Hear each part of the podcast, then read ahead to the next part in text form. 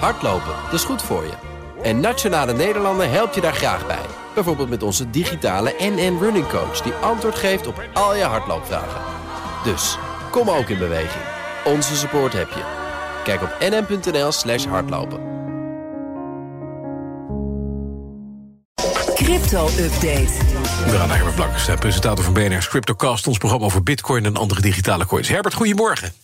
Goedemorgen, Bas. El Salvador, het eerste land ter wereld wat uh, zowel uh, zijn eigen munt als de bitcoin accepteert als, uh, als wettelijk betaalmiddel, stelt zijn bitcoin-obligaties uit. Die bedoeld waren om een bitcoin-stad te financieren, dat wilden ze. Ja. Maar die bitcoin-obligatie, hoe zat die precies in elkaar?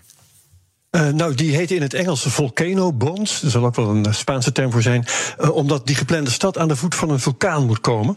En ze heet ook wel Bitcoin Bonds. Um, maar dat is een verwarrende naam. Het zijn namelijk geen staatsleningen in Bitcoin, mocht je dat denken. Want El Salvador koopt geregeld Bitcoin, omdat ze denken dat dat een goede investering is. Ja, dan is lenen in Bitcoin dat natuurlijk niet.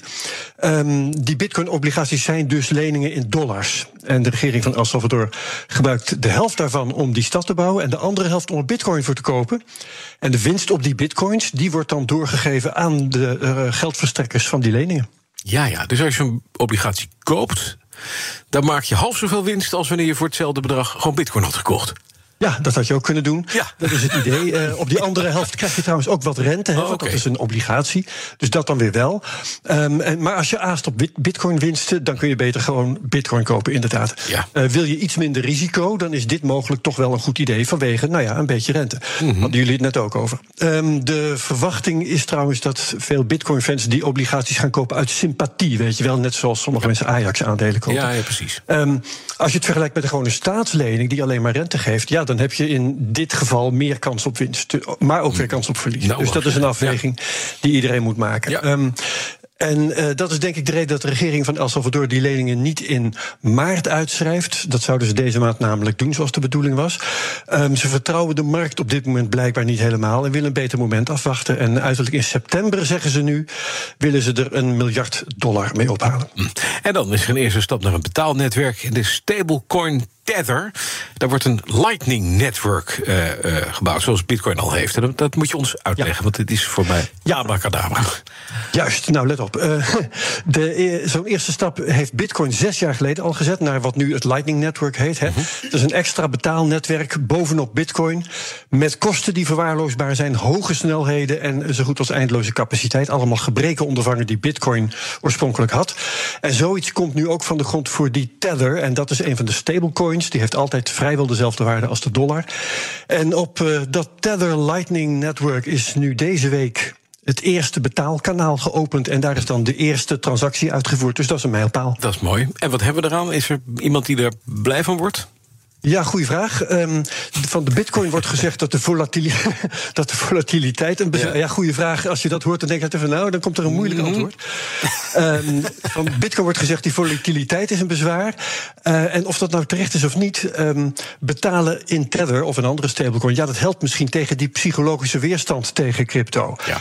Um, uh, ja, en dat Tether Lightning Network is nu dus net zo ver als het Bitcoin Lightning Network zes jaar geleden was, in 2016. Dus er is nog wel heel wat ontwikkelingswerk te gaan. Betalen in Tether, dat is nog eventjes uh, aan de horizon. En is, zijn die stablecoins, is dat, is dat iets waar je naar moet kijken? Is dat wel te vertrouwen, die Tether?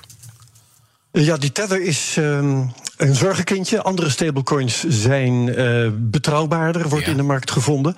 Het middel kan dus erger zijn dan de kwaal, want die dekking van de Tether, daar zijn al jaren twijfels over. Uh, of namelijk tegenover elke Tether op de markt wel een echte dollar ja, ja. staat. Zo niet, dan is het speelgoedgeld en dan moet je er ver vandaan blijven. Mm -hmm.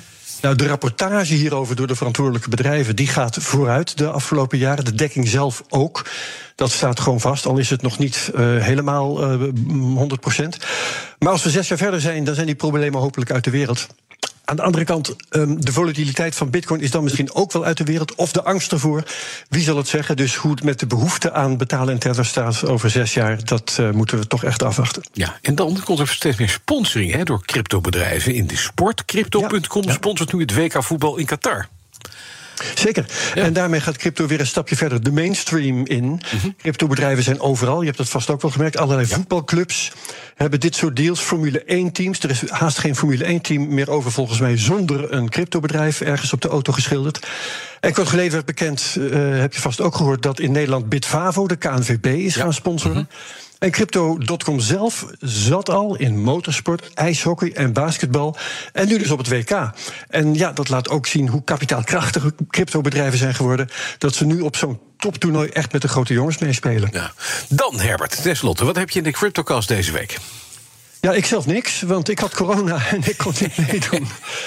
ik ben er nu weer bovenop mm, trouwens. Gelukkig, ja, nu is het te laat. Ja. Kan ik alleen dit nog maar doen. Ja. Mhm. Eh, dat doet Bert Slachter dus voor mij. Uh, hij praat over sancties, crypto en regulering. Met andere woorden, kun je sancties ontduiken met crypto? Hoe kan regulering dat helpen of juist in de weg zitten? Um, en dat doet hij samen met expert financiële regelgeving Simon Lelyveld.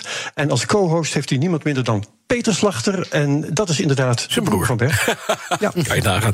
Herbert, dankjewel. Alle afleveringen van de CryptoCast te beluisteren via de BNR-app, bnr.nl of de podcast-app die jij graag gebruikt.